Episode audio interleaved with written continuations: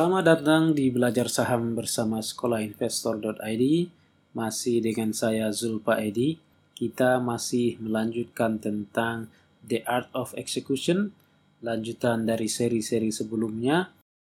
Pada episode sebelumnya kita telah membahas tentang The Raiders, yaitu kelompok para pemenang atau para trader yang dalam posisi investasi menguntungkan, maka dia segera keluar dari posisinya dengan hanya mengambil keuntungan dengan margin yang kecil.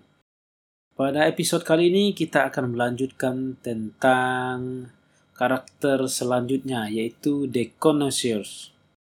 Connoisseurs dalam dunia wine atau anggur adalah seorang expert atau ahli yang mencicipi atau mencoba cita rasa anggur. Apabila cita rasanya memenuhi standar, maka anggur tersebut akan dipertahankan. Namun begitu cita rasanya tidak sesuai dengan standar yang diinginkan, maka anggur tersebut akan direject. Anggur yang sesuai dengan standar dan memuaskan para connoisseurs selanjutnya akan disimpan dalam jangka waktu yang cukup lama karena para connoisseurs, para expert dalam menilai anggur ini tahu bahwa semakin lama sebuah anggur atau wine disimpan, maka akan semakin nikmat cita rasanya. Karakter atau pola seperti ini dalam dunia trading juga bisa kita temukan. The connoisseurs kaitannya dalam dunia trading adalah mereka yang menikmati setiap kenaikan dari harga saham yang dia miliki. Begitu dia dalam posisi menguntungkan atau profit, maka dia hanya melepas sedikit saja dari profit dari saham yang dia pegang dan mempertahankan mayoritas dari posisinya untuk jangka waktu yang cukup lama. Karena dia tahu bahwa seiring dengan berjalannya waktu, maka jumlah keuntungan yang dia miliki juga akan bertambah. Para connoisseurs ini juga menyadari adanya godaan atau keinginan untuk keluar dari posisi saham yang telah menguntungkan secara keseluruhan.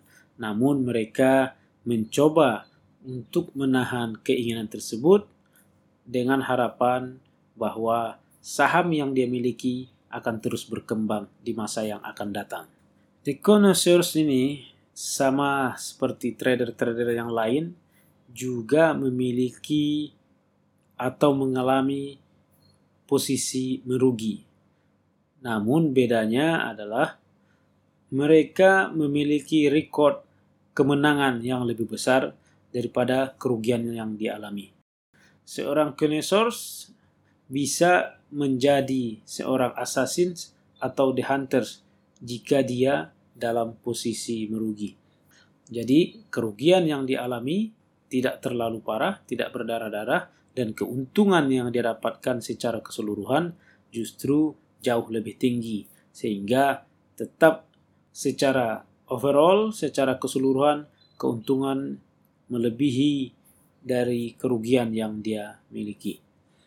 Ada beberapa hal yang dilakukan oleh para connoisseurs agar dia memiliki kemenangan atau profit yang besar dalam investasinya. Yang pertama itu adalah find unsurprising company.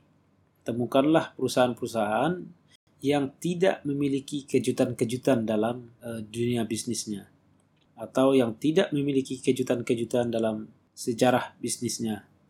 Pendekatan yang dilakukan oleh para connoisseurs adalah mereka akan melihat sebuah perusahaan yang jika kita beli sahamnya, maka dalam jangka 10 tahun ke depan, saham tersebut telah berkembang secara luar biasa.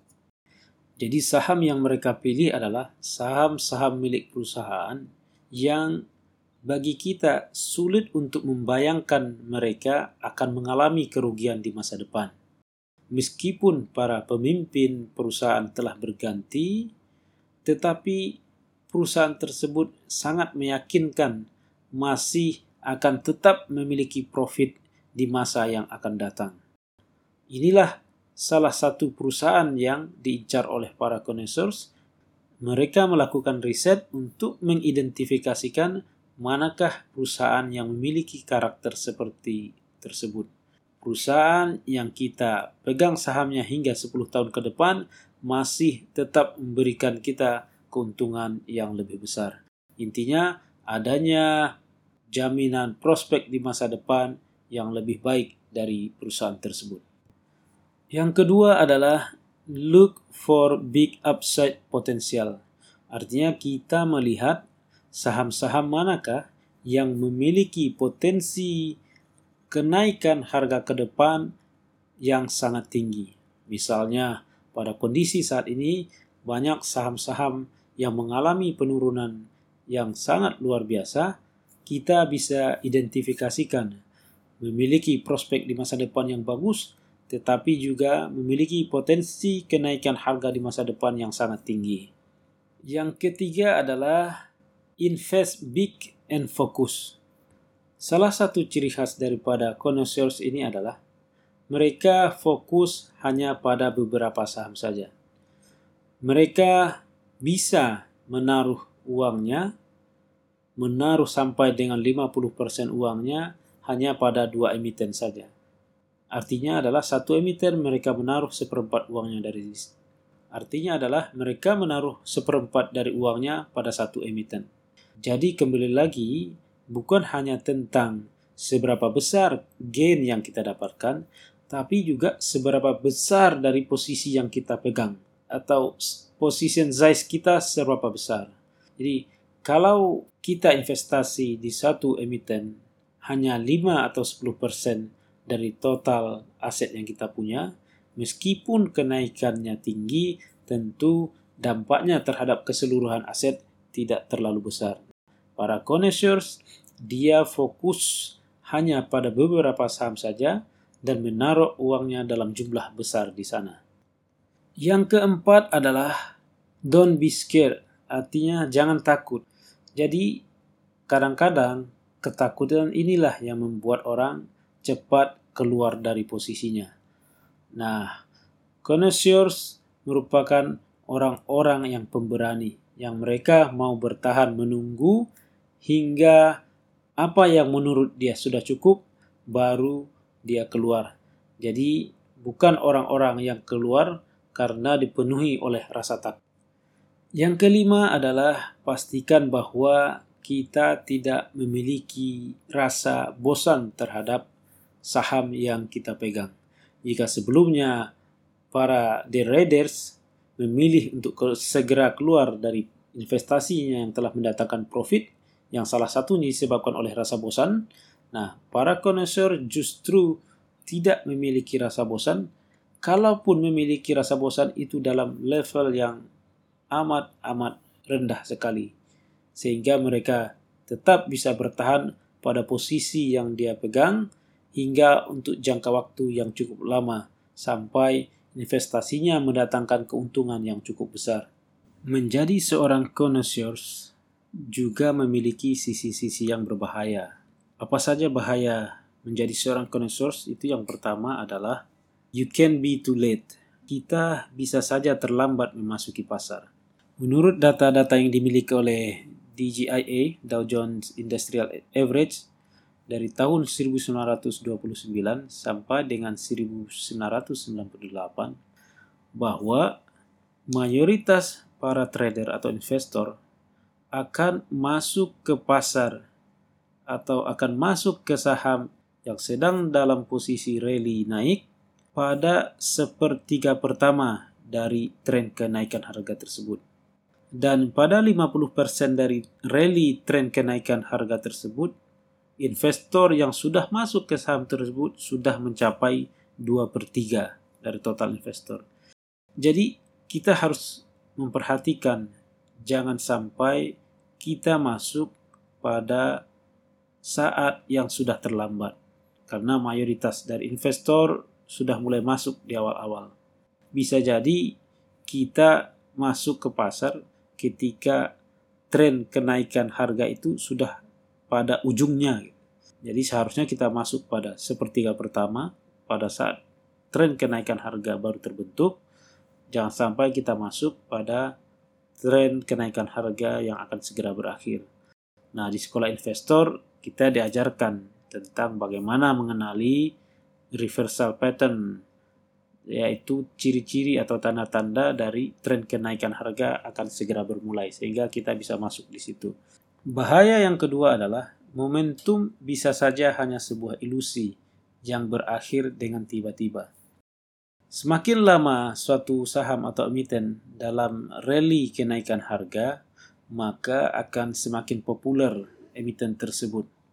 Akan semakin viral emiten tersebut. Sebagaimana layaknya sebuah toko, misalnya yang menjual makanan, jika kita lihat antrian dari para pembeli sangat tinggi, sangat panjang, maka itu akan membuat orang semakin tertarik untuk mencoba masuk membeli di dalam toko tersebut. Demikian juga halnya dalam dunia saham, semakin lama tren kenaikan harga dari suatu saham, maka akan semakin banyak kemungkinan para spekulator datang masuk ikut bergabung dalam tren kenaikan harga tersebut. Yang menjadi masalah adalah semakin banyak spekulator yang masuk, maka bisa saja tiba-tiba saham tersebut berbalik arah dari tren kenaikan harga berubah menjadi terjadi penurunan secara tiba-tiba karena banyaknya para spekulator yang melakukan profit taking ketika dia sudah untung walaupun sedikit. Bahaya yang ketiga menjadi seorang connoisseurs adalah you can get stuck. Kita bisa saja terjebak dalam posisi kita. Karena tadi semakin lama rally kenaikan harga suatu saham, semakin banyak para spekulator yang masuk, maka jika terjadi sesuatu harga yang turun dengan tiba-tiba, maka panik selling akan melanda saham tersebut. Orang akan beramai-ramai menjual saham yang dia miliki dengan cara menurunkan harga semakin turun semakin turun semakin turun sehingga membuat kita terjebak dalam kondisi panic selling tersebut yang otomatis nilai dari profit yang kita kantongi akan berkurang drastis. Panic selling biasanya akan membuat nilai suatu saham turun dengan sangat drastis, dengan sangat cepat. Jadi kerumunan yang datang ikut membeli saham dalam tren kenaikan harga yang sudah berlangsung lama dapat juga menciptakan sebaliknya. Panik selling yang dihasilkan oleh para spekulator akan mendorong harga saham turun jauh lebih banyak lagi. Demikianlah series dari The Art of Execution telah kita bahas semuanya. Semoga para pendengar semuanya dapat memetik pelajaran dari beberapa episode podcast yang telah kami sajikan selama ini sehingga dapat membuat kita menjadi seorang trader yang lebih baik lagi. Demikian dari saya Zulfa ID, tetap bersama sekolahinvestor.id.